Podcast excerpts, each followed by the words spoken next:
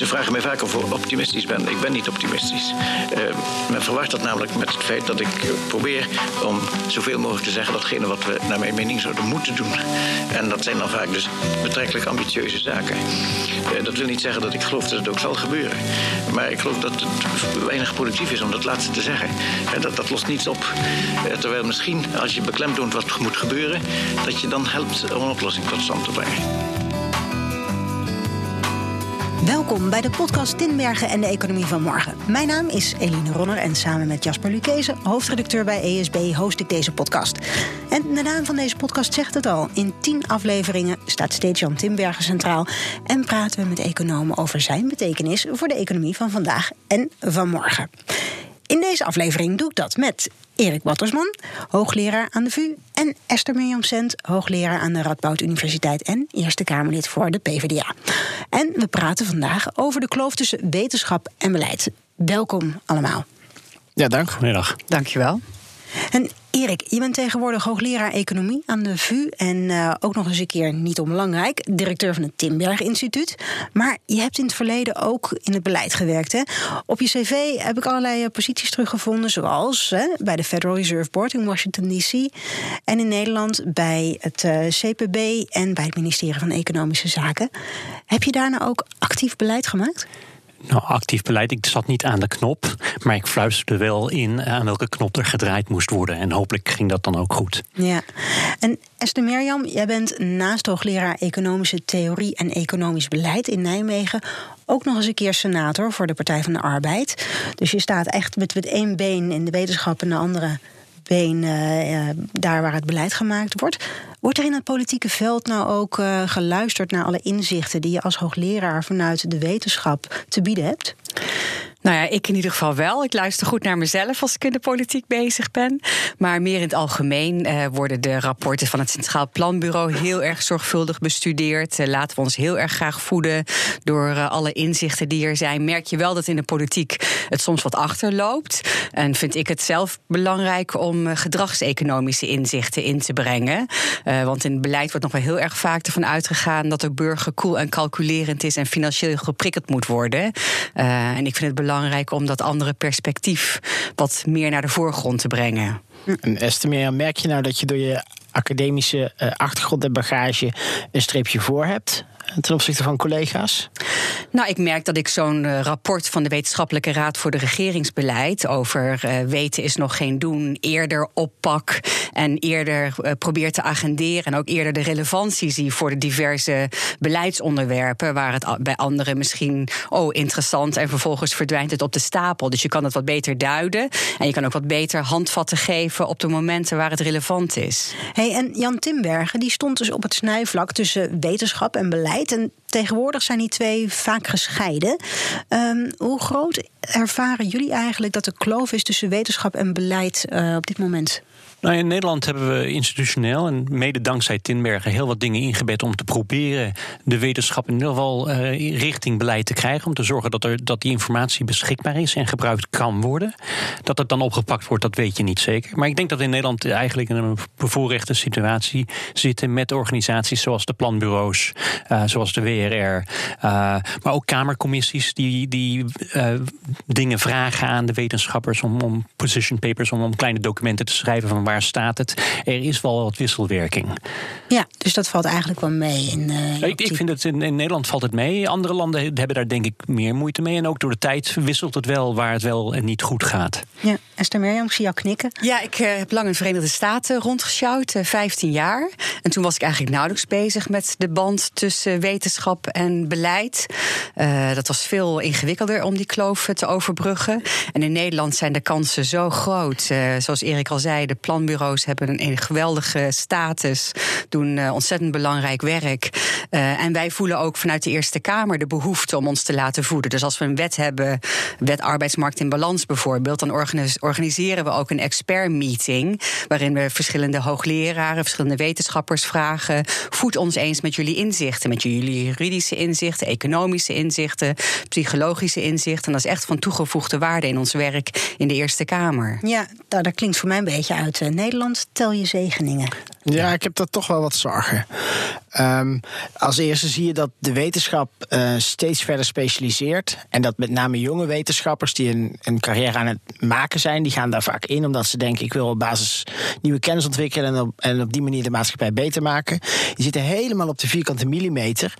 En die proberen op die vierkante millimeter hun punt te maken met een hele robuuste methode. Maar die kijken eigenlijk niet breder dan die vierkante millimeter. Terwijl um, als je nadenkt over hoe je de economie anders zou moeten inrichten, wat je anders zou moeten doen, dan wil je juist wat meer perspectieven daar vaak bij betrekken. Dus die wetenschap is dan niet altijd even nuttig. Nou zeg ja, maar.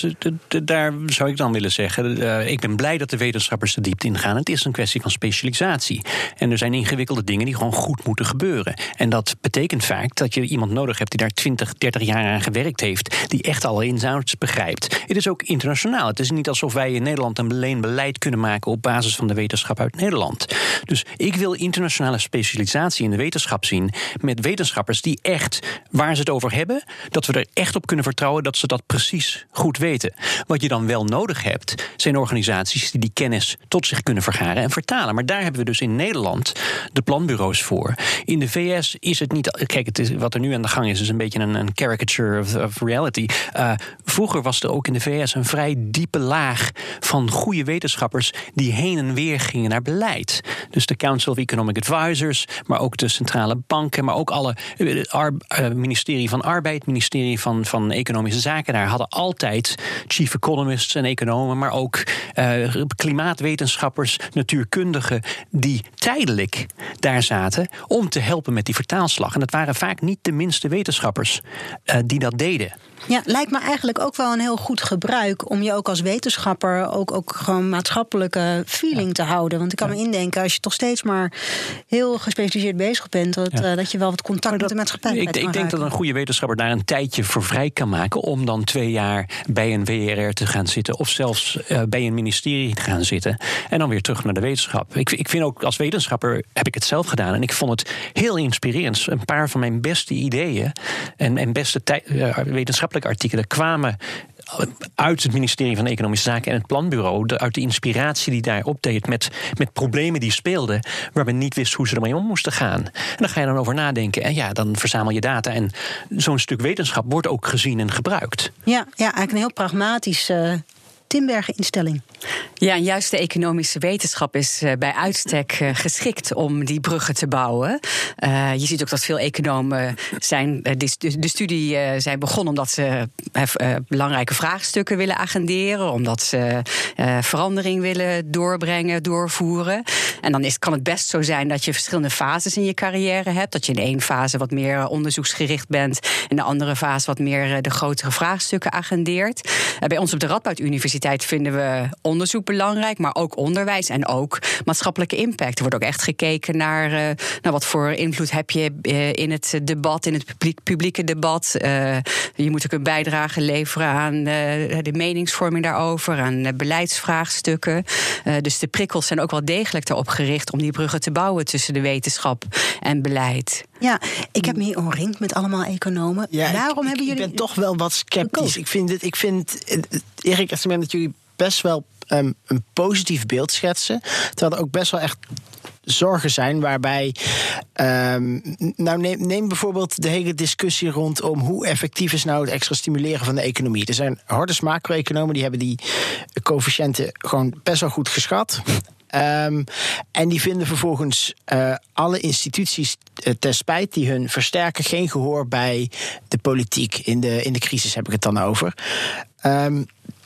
En de natuurlijke respons van veel wetenschappers is dan die coëfficiënten nog een keer beter te gaan schatten en dat nog een keer beter te gaan uitleggen. Maar toch zit daar wel ergens een kloof, want dat is niet wat die um, politicus of beleidsmaker uiteindelijk gaat overtuigen. Ja, wat kan ik daarover zeggen? Het, het is het, die vraag, specifiek nu over wat doe je ja, in, in een cyclus en hoe kun, je, ja. hoe kun je een economie stimuleren. Gelukkig is dat echt uh, wereldwijd een, een vraag waar heel wat slimme macro-economen ja. en, en, empirische economen zich mee bezighouden. In sommige plekken wordt het opgepakt, in andere niet. Uh, dus je hoopt dat op, op een niveau waar het nodig is, dat er op dat moment beleidsmakers zitten die dat kunnen. Dus in, in de vorige crisis is er gelukkig, waren er zowel in de VS als in Europa, maar ook in Japan, mensen die zeiden: oké, zo'n bankencrisis, dat is, een, dat, is een, dat is een confidence crisis. Laten we al die slechte dingen bij elkaar voegen en een, en een uh, bail-out-achtig iets doen. Nou, dat pakt, dat had je theoretisch van tevoren kunnen weten, maar dat pakt heel goed uit. Dan moet je wel iemand hebben ter plekke voor de politiek die dat durft te doen. Mm. Uh, en die kennis is aanwezig dat heb je niet in elke gemeenteraad, zulke soort mensen. En dat heb je niet in elke, in elk EU-lidstaat dat er een minister van Financiën is die het goed begrijpt. En ja, dat is jammer. En ik weet niet hoe je als econoom kunt zorgen dat, dat jouw land en jouw gebied de juiste beleidsmakers heeft. Ja. Uh, ik denk toch door dit soort gesprekken mensen erop te wijzen: luister eens, de minister van Financiën. Het is wel mooi dat hij, dat hij denkt dat het huishoudboekje van een gezin net zo is als het huishoudboekje van een land. Maar dat is gewoon niet zo. En daar moeten ze ook, dat moeten ze weten. En ze moeten begrijpen waarom dat is. En waarom je tijdens een crisis door extra leningen aan te nemen. je best wel je schuld kan afbouwen. Ja, maar dat vraagt wel een politieke moed. En uh, in die zin ben je natuurlijk als wetenschapper en ook wel als beleidsmaker natuurlijk wel verdomd afhankelijk van, van goede politici. Die ja niet alleen kort, voor korte termijn uh, verkiezingswinst gaan. Ja. En je ziet inderdaad wel eens een spanning tussen de economische rationaliteit en de politieke rationaliteit. Uh, economen adviseren, uh, als het nou goed gaat met de economie, neem dan eens wat lastige beslissingen over pensioenen, AOW, woningen en dergelijke. Ja, politiek is dat heel erg ingewikkeld te verkopen en is het veel makkelijker om in slechte economische tijden wijzigingen door te voeren. Terwijl juist dan je eventjes pas op de plaats zou moeten maken. Dus uh, uiteraard in, in grote lijnen wordt er heel erg goed door de politiek naar uh, wetenschappers geluisterd. Maar soms zullen andere overwegingen ook een rol spelen. En daar zie je wel degelijk een cyclus in. Ja, en je hebt denk ik het shoot-the-messenger effect. Kijk, toen die boeren protesteerden, was het argument: um, het, uh, de hei is paars, het bos is groen, zij zijn ambtenaren en kunnen er niks en hebben er geen verstand van tegen het RIVM. En er zijn politici die hebben dat gewoon vertaald. Die hebben gezegd dat die RIVM die berekening opnieuw doet, terwijl dat een onafhankelijk instituut naar kijkt. Nou, dat hebben we met het RIVM en de stikstofnormen gehad, maar dat hebben we ook gehad met de um, doorrekeningen van de energiekosten en het planbureau voor de leefomgeving, die door de politiek aan de kant werd gezet. Uh, waarbij uiteindelijk de fout bij de politieke vraag lag die door de minister was gesteld. Ja, maar dat is natuurlijk een, een lastige boodschap om, om wel aan het publiek te verkopen. Kijk, de, de, een deel heeft te maken dat het publiek wetenschap niet echt begrijpt. Uh, en dat is ook de schuld van de wetenschapper. Er wordt gedacht, de wetenschapper die weet alles en die heeft het goed. En als er dan een keer blijkt dat iets niet klopt, en dan wordt er gezegd, ze weten ook niks. Nee, wetenschap is een, is een, een lopend traject en dit is meer een methode dan een, dan een wijsheid in pacht. Dus wij gebruiken onze wetenschap om langzamerhand door de tijd heen meer, zeker, meer zekerheid ergens over te krijgen. Dus je kunt altijd voorbeelden vinden, vinden van gepubliceerd werk, van, van uh, de kennis van een paar jaar geleden dat niet meer klopt. En dus daar zit, zit een probleem. Het is vrij makkelijk om te zeggen, nou, het planbureau over de leefomgeving die kan dit niet uitrekenen. Nee, inderdaad, dat kan ook niet. Maar ze gebruiken het beste wat ze kunnen om op dat moment die berekening te maken. En dan moet je toch een beetje op vertrouwen dat de mensen die dat doen het beste voor hebben met de maatschappij en echt bezig zijn om met de huidige kennis zo goed mogelijk uh, deze problemen te, te duiden en paden te geven om het te helpen. Ja, ja en, en het is dus heel belangrijk. In de wetenschap, zekerheid is er dus niet. Nee. Uh, maar wel het beste gebruik van kennis en de wil en wens om continu bezig te zijn om dat aan te scherpen en om te verbeteren. Ja, en goed communiceren. Maar je moet je inzichten natuurlijk wel goed kunnen uitleggen, willen ze landen. Er zijn uh, twee dingen die het superleuk maken om een econoom te zijn op dit uh, grensvlak van economie en beleid, wetenschap en beleid. Dat is dat de belangen heel erg groot zijn en de complexiteit is heel erg groot. En dat is een enorme uitdaging. Uh, dat zie je nu met een aantal vraagstukken waar we mee worstelen: stikstof, klimaat, arbeidsmarkthervormingen. wat daarin ook goed is, is dat de economen hun oor te luisteren leggen bij anderen. Dat er coalities gevormd worden, dat het Centraal Planbureau met het Planbureau voor de Leefomgeving samenwerkt in de doorrekeningen van klimaatmaatregelen. Juist gegeven die complexiteit en van, gegeven de grote belangen, is dat een eh, van toegevoegde waarde om dat zo op te pakken. Nou, over juist dat uitleggen van, het wetenschappelijke, van die wetenschappelijke bevindingen, daar gaan we het in een andere eh, aflevering nog over hebben. Toch, Jasper? Ja hoor. Ja, hè? Nou, dan parkeer ik hem uh, voor nu eventjes. Mag ik nog één vraag stellen? Nou, oké. In hoeverre. Um, een, een, een, laatste punt van zorg, zeg maar. Ik had drie punten. Het laatste punt is de context eigenlijk. Heel veel onderzoek wordt gedaan in een hele specifieke context. En dat is denk ik ook het, het enige echt valide punt van kritiek op de uh, Nobelprijs voor uh, de, de Flo Kramer en, en. Zij doen experimenten waarbij ze een hele nette controlegroep hebben en dan stellen ze vast of iets werkt. De vraag is: werkt het ook buiten die context? En de beleidscontext is, een, is rommelig. Er gaan alle dingen tegelijkertijd dus die dingen uitrollen gaat nooit zo heel makkelijk. En wat in een ontwikkelingsland goed te meten is, uh, is vaak ook, werkt vaak hier niet. Dus hoe, um, hoe kijk je als wetenschapper buiten je eigen context? De Nobelprijswinnaars geven dat zelf heel erg duidelijk aan, hè, het belang van die context. En een beleidsmaatregel die in één context werkt, zal niet in een andere context nee, relevant zijn. Bij de ene moet je. Op hun. Het is nee. gewoon kritiek op hoe, uh, hoe je hun resultaten kunt gebruiken. Ja, uh, ik denk dat we in beleid veel meer moeten experimenteren, gegeven de complexiteit. Uh, dat we te vaak er maar op vertrouwen dat het in de context waarin het is voorspeld of is geanalyseerd ook zo zal uitwerken. Ik denk dat we in de Eerste Kamer weten we het ook vaak. Dan is het kwartje kan de ene kant op rollen, het kwartje kan de andere kant op rollen. Gaat dit nou mensen stimuleren of gaat het mensen nou ontmoedigen? Vaak is, dat, is er heel erg veel onduidelijkheid omheen. Dus ik denk dat we ook veel meer moeten experimenteren op kleine schaal. Om eens te kijken hoe werkt het nou in de complexe realiteit. Ja, maar goed, ja, ik kan me voorstellen, het is ook wel de realiteit. En dus niet, alle, niet alle onderwerpen lenen zich daartoe. Je gaat niet experimenteren met eh, kwetsbare groepen. Uh, maar ik denk wel, gegeven de uh, complexe omgeving waarin we ons bevinden, zouden we wat meer ook soms de onzekerheid moeten omarmen en uh, de contexten moeten adresseren en op de voorgrond stellen. Heb je daar ook voorbeelden van? Een concreet voorbeeld waar je dat zou aanmoedigen? Nou, denk aan het basisinkomen. De ene is ervoor, de andere is er tegen. Gaat dit mensen nou eh, ontmoedigen om eh, bij te dragen aan eh, het, de arbeidsmarkt? Of stimuleert het mensen? Nou, hebben ze het gevoel dat ze erbij horen? Nou, daar zou je kunnen denken: ga eens op gemeentelijk niveau experimenteren en kijk hoe zoiets uitkomt. Ja. Nou, dit is, Tinbergen heeft hier heel veel ook over nagedacht.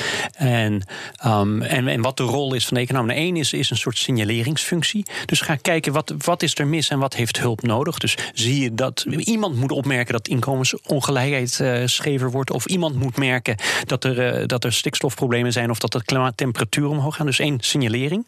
Dan moet je eigenlijk met beleidsideeën komen. En het liefst die experimenteel gaan uitoefenen. En en je wilt achteraf gaan evalueren. Is wat ik gedaan heb, heeft dat gewerkt? En dat zijn drie, drie poten van een, van een soort beleidscyclus. En die, die cyclus die blijft maar doordraaien. Dus die is eigenlijk nooit af. En, en daar hebben wetenschappers en beleidsmakers verschillende rollen in. Maar die rollen moeten, die moeten ze op zich nemen en complementair maken om dat te laten, om dat te laten doorgaan. Dus dat is best moeilijk. Uh, dus een, een, ja, een paar dingen. Beleidsmakers moeten niet te veel hun naam op een instrument zetten. Want als het dan misgaat, dan ga je af. Dus je gewoon uh, we hebben de melkertbanen gehad in Nederland. Geen goed idee. Of de Obamacare. Uh, heel erg onfortuinlijk om je naam aan een beleid te koppelen.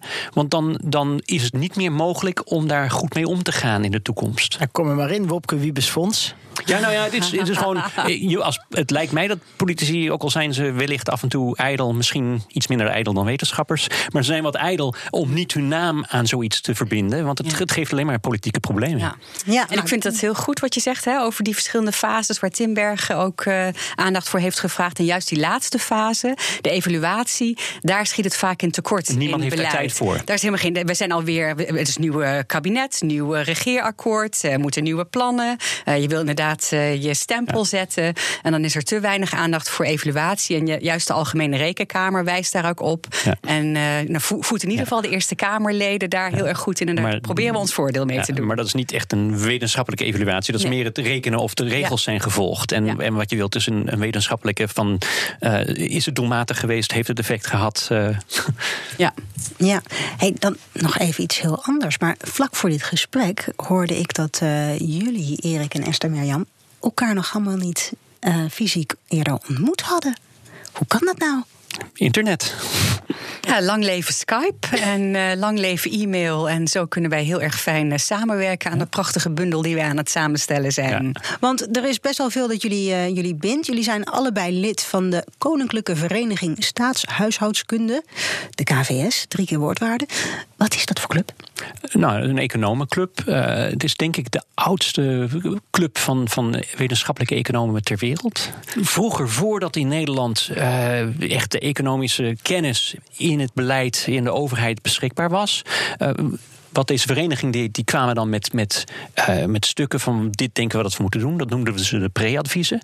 Dat werd in de jaarvergadering van de KVS besproken. En daar kwam een adviesbundel uit. En dat advies werd geleverd aan het kabinet om economisch beleid te helpen. Sinds uh, Tinbergen en uh, na de Tweede Wereldoorlog het hele systeem heeft opgezet van, van de economische structuur. En in Nederland zelf de, de REA, Raad voor Economische Aangelegenheden, de SEC, Centrale Economische Commissie, de Zeshoek. Er zijn allemaal ambtelijke apparaten waar economisch materiaal besproken wordt, samen met de planbureaus. Daar wordt dit materiaal verwerkt om bij uh, beleidsvoorstellen uh, enzovoort kennis mee te kunnen nemen. Ja, ja.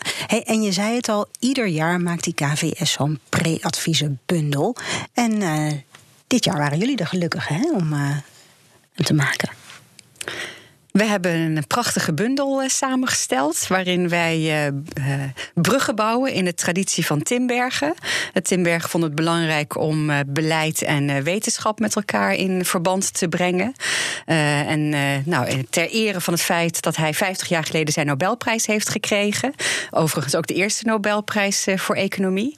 en daarmee kreeg economie ook een nieuw aanzien, hè, vergeleken bij de andere wetenschappen. Nou, om dat te eren hebben wij een reeks interviews gehad gehouden uh, tussen Nobelprijswinnaars en beleidsmakers. Uh, met de vraag: uh, wat kunnen wij van Timbergen leren? Wat kunnen jullie van elkaar leren? Is dat gat nou heel groot? Is dat heel klein? Is het te verkleinen? Waar voeden we elkaar? waar hebben we nog aanbevelingen voor elkaar? En dat heeft een reeks geweldig inspirerende gesprekken opgeleverd. In ieder geval voor ons persoonlijk. Ja. En waarschijnlijk ook een. Nou, we gaan er ook vanuit dat het voor de lezer het geval is. Ja, het, het liefst zouden we van alle 50 jaren uh, gesprekken met, met alle Nobelprijswinnaars van iedere jaargang willen hebben. Er zijn er dus soms, soms zijn er twee of drie tegelijk. Dus ik weet niet hoeveel er zijn, maar zal rond de 100 zijn. Ja. Uh, nou, een hoop zijn overleden. Sommigen zijn niet meer echt bij machten om dit te doen. En andere, daar denk ik van de thematiek niet goed. Maar we hebben een leuke keuze kunnen maken tussen ja, economen waarvan je van tevoren denkt: oh, die zijn ter linkerzijde of dat zijn technici. En de andere, oh, dat zijn meer sociaal bewogen mensen die, die heel veel doen in, aan armoede of aan. Uh, dus we hebben een beetje een, een mix gemaakt. Uh, en ja, daar zijn sommige dingen opgevallen dat het toch allemaal wetenschappers zijn. Aan de beleidskant hebben we ook proberen te kiezen tussen, tussen Europa, uh, uh, geïndustrialiseerde landen, de OESO-landen in het algemeen, maar ook Nederland. En natuurlijk het CPB kon niet ontbreken als een, als een kern van het Tinbergen gedachtegoed. De nerd in mij is wel een beetje jaloers hoor. Hey, en Jasper, jij was ook bij die gesprekken. Ja, met ESB uh, ondersteunen we dit project redactioneel. Ja, en wat is jou bijgebleven? Nou, um, um, eigenlijk twee dingen. Dus ten eerste de, de gesprekken waar ik nu bij heb gezeten, dat die Nobelprijswinnaars die zijn werkzaam in de VS. Uh, en in de VS ervaren die een veel grotere afstand ten opzichte van politiek en beleid dan dat dat in Europa het geval is. Wat mij bijzonder is bijgebleven is het gesprek tussen uh, Angus Dieten en Wouter Koolmees. Angus Dieten is een arbeidsmarkteconoom. Die is recent bekend geworden met het boek wat hij geschreven heeft met N. Kees. Um, over um, dat de gezondheid van met name laagopgeleide mannen in de VS achteruit gaat. Dus ze sterven nu eerder dan dat laagopgeleide mannen dat een paar jaar geleden deden. En dat is gewoon raar in een wereld waarin je gewend bent uh, dat de levensverwachting telkens toeneemt. Um, nou. Aan het eind van dat gesprek zegt Angus Dieten... dat gesprek met Wouter Koolmees gaat heel erg... nou, die heren versterken elkaar. Um, zegt Angus Dieten tegen Wouter Koolmees... Uh, mocht je politieke carrière in Nederland nou spaak lopen... voel je vrij naar de VS te komen. Wij kunnen nog wel een politicus zoals jij gebruiken. Jeetje, en wat... wat um... Wouter Koolmees zegt dankjewel. Overigens. dat, ja, nou dat zou ik ook gezegd hebben als ik Wouter Koolmees was. Wat, wat, nou ja, wat, zegt dat jou? Nou ja, kijk, weet je, Angus Dieten is gewoon een grote naam academisch. En blijkbaar lukt het Engels Dieten niet om met de Amerikaanse minister van Sociale Zaken in gesprek te gaan over deze thema's. En in gesprek te komen over deze thema's. Eh, maar dan heeft hij wel een gesprek met een Nederlandse minister van Sociale Zaken. over de thema's die hij eigenlijk wil. En dan, kan hij zijn ei dan kwijt. En dat kan hij in de VS niet. En dat is toch raar. Wat wij ervan leren is dat wij vooral onze zegeningen moeten tellen. met een minister als Wouter Koolmees, die zelf economie heeft gestudeerd in Utrecht. Uh, instituties uh, belangrijk vindt. En gewoon heel erg goed geïnformeerd is. En daardoor een gewillig oor was voor de inzichten van Angus Deaton. Dus hij ging niet meteen ideologisch tegenhangen. maar voelde zich geïnspireerd. En ik denk ook vaak, als, je dat, als ik de debatten in de Eerste Kamer hoor. We zijn echt, de verschillen in Nederland zijn op de millimeter. Ik ben van de Partij van de Arbeid. Maar als ik de minister-president hoor van de VVD. dan zou het soms zo een PvdA-minister kunnen zijn. Of als ik Wouter Koolmees hoor en wat hij belangrijk vindt. Of Tamara van Ark als staatssecretaris. Dan hebben we heel vaak dezelfde doelen voor ogen. Misschien wat meningsverschil over welke instrumenten daar je het beste voor in moet zetten. Ook wat meningsverschil over hoe we zaken het anders wegen. Maar die verschillen in de VS zijn veel groter en veel gepolariseerder. En daardoor heb je daar ook niet de ruimte voor het debat die wij in Nederland hebben. Ja, ja. Hey, en wat is jou het meeste bijgebleven, Esther Mirjam, van die gesprekken die jullie gevoerd hebben? Ik vond het gesprek met uh, en Stiglitz heel erg uh, inspirerend. Uh, wat ik daaruit heb geleerd is het belang van cijfers, van data. daar is de OECD heel erg sterk mee bezig. Lange tijd staarden we ons blind op bruto binnenlands product. En dat moest maar het doel zijn. En dat moest maar zo groot mogelijk worden. Nou, de OECD heeft een heel goed project om alle verschillen in welvaart op alle verschillende dimensies in kaart te brengen. Dat is enorm verrijkend de wetenschap en voor beleid. Uh, en ik uh, staat me ook nog wel een klein beetje bij dat Stiglitz aan de ene kant pretendeerde om objectieve wetenschap uh, te presenteren, maar soms toch ook wel toegaf dat hij wel ideologisch geïnspireerd was en dat, dat daar, ook wel een drive in zat. Soms ging het over evidence-based policy making en soms gaf hij ook wel toe van ja, die evidence is natuurlijk wel wat gekleurd. Um, dus dat vond ik, dat, daar was een interessante spanning in dat gesprek. Ja. En het haasje over die heren. Dus. Um, Stiglitz die uh, neemt de OESO af en toe gewoon de maat, omdat hij vindt dat ze niet ver genoeg gaan in hun uh, aanpak van belastingontwijking. De OESO doet best wat dingen in de aanpak van een belastingontwijking.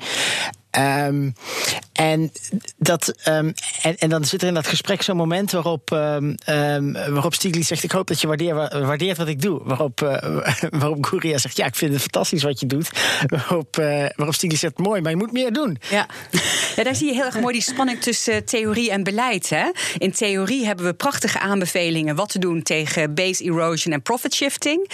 Maar in de praktijk, in beleid, is het toch heel erg ingewikkeld om daar overeenstemming voor landen te krijgen. Heb je een prisoners dilemma, een uh, race naar beneden om maar uh, zo'n klein mogelijke basis en laag mogelijke tarieven.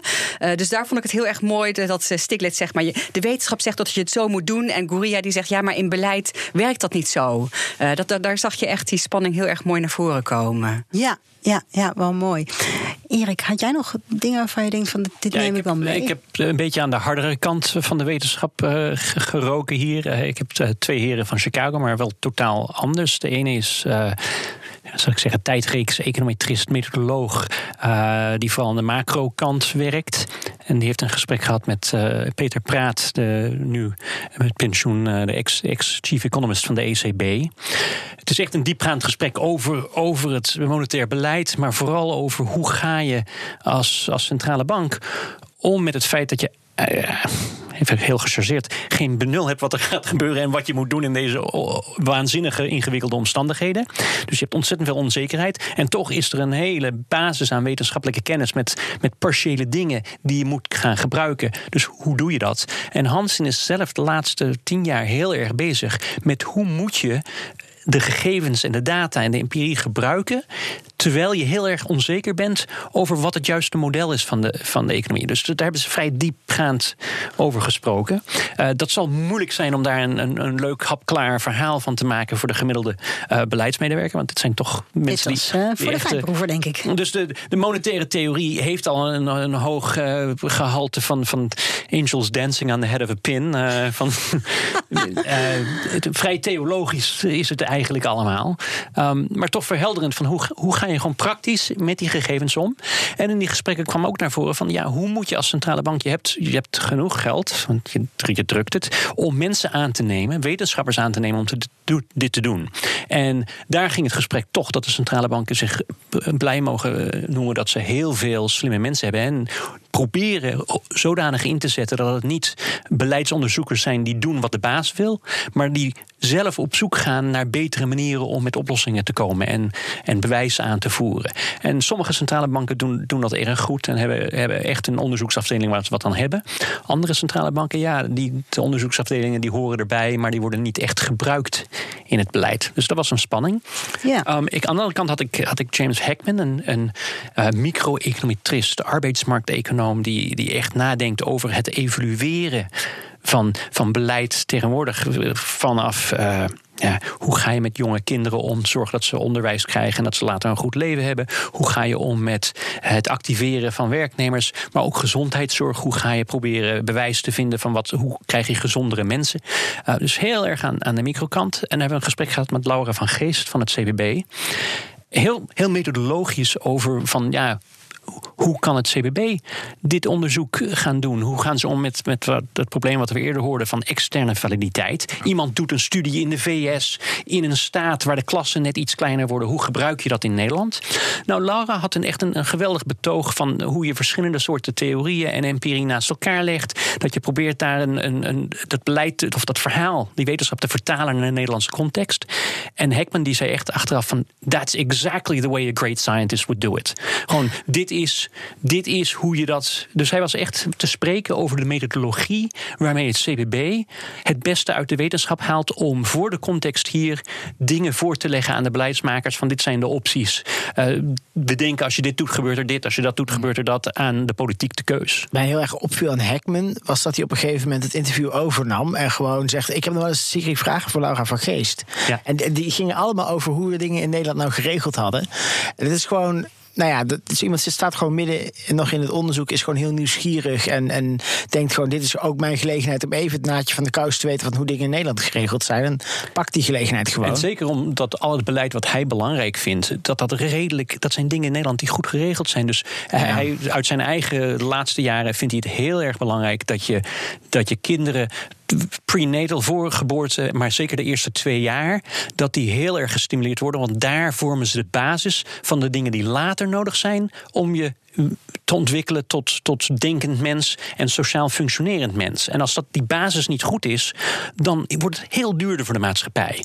dus hij wil weten, wat doe je als land daarin? In de VS gebeurt er daar veel te weinig voor. Ik heb een vraag voor Erik over jouw gesprekken. Bij ons in de, gesprekken, in de gesprekken hebben we ook stilgestaan bij de beleidsregel van Timberg. Als je uh, een bepaald aantal uh, doelen. doelen. hebt, heb je hetzelfde aantal instrumenten nodig. Uh, en was de consensus toch wel dat dat veel, dat dat misschien in de tijd van Timberg uh, relevant was en uh, inzetbaar was, maar dat het in de huidige complexe wereld niet meer zo eenvoudig op deze wijze in te kleuren is. Gegeven het feit dat jij ook met monetair beleid of over het onderwerp hebt gesproken met jouw gesprekspartners, is dat ook aan de orde gekomen? Nou, wel in die zin dat, het, dat die complexiteit, verder gevorderde complexiteit naar voren kwam. Dus in, in, in monetair beleid, als je twee doelen had, zeg prijsniveau en, en BBP. En wat, wat doe je dan? Nou ja, we hebben het over gehad dat er, dat er nieuwe doelstellingen bij zijn gekomen voor de centrale bank. Macro-prudentieel toezicht, financiële stabiliteit. En van heeft de centrale bank genoeg knopjes om aan te draaien? Maar nog sterker, hoe gaat het dan met de governance daarvan? Wie beslist? Nou, daar heeft Peter Praat dan een verhaal verteld dat die twee delen van de financiële stabiliteit en het monetair beleid, dat dat gewoon twee aparte takken binnen de ECB zijn. Apart personeelsbeleid, aparte groepen, andere mensen die dat doen. Maar zei uiteindelijk komt het toch bij de boord terecht, aan de top terecht, van iemand die, die meerdere petten op moet. En dat dat eigenlijk best lastig kan zijn, want dan moet je gaan afwegen. Maar als ik het zo hoor, zijn dit wel echt ontzettend nuttige gesprekken voor beide partijen geweest. Waarom doen we dit niet gewoon ieder jaar? Ik denk dat het, dat het leuk zou zijn om, om structureel uh, dit soort bijeenkomsten te hebben. Uh, het, aan de andere kant, ik zou het niet willen organiseren, want het, het bij elkaar brengen van een, een Nobelprijswinnaar. en en, en de, de, de, problemen zijn anders. Dus uh, de beleidsmaker, je stuurt een mailtje, je krijgt per omgaande mail terug dat ze het ontvangen hebben en dat het een behandeling is. Twee dagen later zeg je, we zijn erover aan het praten. Een maand later zijn ze nog steeds erover aan het praten. En, en uiteindelijk zeggen ze af. De Nobelprijswinnaar die beantwoordt zijn mail niet. Oké, dus ik, heb, okay. uh, ik ben, uh, heb in de klas gezeten bij Paul Krugman. En ik had hem heel leuk gevonden, want hij is net als Stiglitz is hij voorbij zijn Nobelprijs. Is hij nu echt een soort public voice geworden. Um, ik heb hem bereikt via alle e-mailadressen van zijn universiteit. Ik heb zijn instituut gebeld met de, met de zakelijk directeur van zijn instituut. Ik heb drie van zijn co-auteurs gevraagd om hem te mailen. En ik heb eigenlijk nooit een, een mail teruggekregen. Ach jee. Dus dat was, dat was nou ja, hij, heeft het, hij heeft het gewoon waanzinnig druk. Uh, bij anderen moet je ze gewoon, uh, ze willen wel, maar je moet ze weer achter de broek zitten. Nou, um, de ene Nobelprijswinnaar is de andere niet. Die, Angus Deaton, die stuurde gewoon braaf zelf de, de, mails. Er zat helemaal niemand tussen. En hij vond het meteen een waanzinnig leuk idee. En uh, oh ja, prima, dat uh, gaan we via Skype regelen. Dus uh, de, de, de ja. ene was wat enthousiaster dan de andere. En, de, en nou, je ziet wel dat de beleidsmakers echt professioneel ondersteund worden. Waar de Nobelprijswinnaars een beetje zelf aan het amateuren zijn. Anderzijds, de naam Tinbergen hielp wel. Dus de, de, de oudere garde, de, de Heckmans en de Deetons, die hadden echt nog ook anekdotes over. Angus Deaton had het erover dat hij dat die Tinbergen in een, thee, in een tuin ergens in Engeland. dat hij thee met hem had en een heel leuk gesprek heeft gehad. Dus ze kenden hem persoonlijk. Ze hebben veel van hem geleerd. En hij was ook een reus in de, ja, de oprichter van de econometrie, min of meer. Ja. Uh, dus dat hielp. Ja, zeker. Ze waren ook goed op de hoogte van wat zijn bijdrages nou waren. Dus we hebben dat ook veel besproken in de, de conversations. De Timbergen Rule, de Timbergen Norm, ongelijkheid, armoede. Uh, en ja, je zag dat er heel erg veel gezag was voor hem. En dat dat de gesprekken wel ja. positief Ook bij de beleidsmakers. Nu hebben we Champions League gespeeld, zouden we kunnen zeggen. Hè? Door alle Nobelprijswinnaars uh, met beleid, aan beleidsmakers te koppelen. Misschien dan een laagje daaronder? We gaan alle potentiële Nobelprijswinnaars koppelen aan beleidsmakers. Ja. Misschien dat ze dan ook wat uh, geprikkeld worden om uh, in gesprek te gaan. We hebben, we hebben Esther Duflo in Nederland uitgenodigd voordat ze de Nobelprijs won. Nou, als we nog wat meer een gelukkige hand in dat soort keuzes ja. hebben, dat helpt misschien nou, om de gesprekken op gang te brengen. we hebben ze zeker bij, bij Tinberg Instituut hebben we de, de, de, jaarlijkse. Nou, er zijn twee Tinbergen lezingen, één bij DNB, maar bij het Tinberg Instituut hebben we er ook een, een serie. En, en we kijken op de muur van alle voorgaande. En de helft ervan hebben na uitgenodigd te zijn, hebben Nobelprijswinnaars, hebben Nobelprijzen gekregen. Dan heb ik nog even een lastige vraag voor jullie hoor, een beetje aan het einde. Moeten beleidsmakers nou meer leren van academici? Of moeten academici nou meer leren van de beleidsmakers? Ja, het flauwe antwoord is natuurlijk allebei. Hè? De, voor academici is het relevant om te weten welke vragen leveren nou bij beleidsmakers. Ik laat mezelf ook inspireren door de debatten in de Eerste Kamer in mijn onderzoek. Uh, ik stel vragen waarvan ik weet dat uh, beleidsmakers die interessant vinden. Andersom is het voor beleidsmakers belangrijk om op de hoogte te zijn van de laatste inzichten. En zie je toch wel vaak dat het wat verouderde inzichten zijn. Dat het wat een, een simpel wereldbeeld is dat door beleidsmakers wordt gehanteerd met een paar prikkels hier en een paar subsidies en uh, uh, wat extra geld daar, is het allemaal wat op te lossen. Uh, dus beleidsmakers moeten ook wel bereid zijn om de complexiteit die ze door wetenschappers aangereikt krijgen, om daarmee om te gaan. Hey, en hoe kijken jullie naar de toekomst? Maken de veranderingen in de politiek en de media het nou moeilijker tegenwoordig om als wetenschapper je onderzoek goed te laten landen in de maatschappij?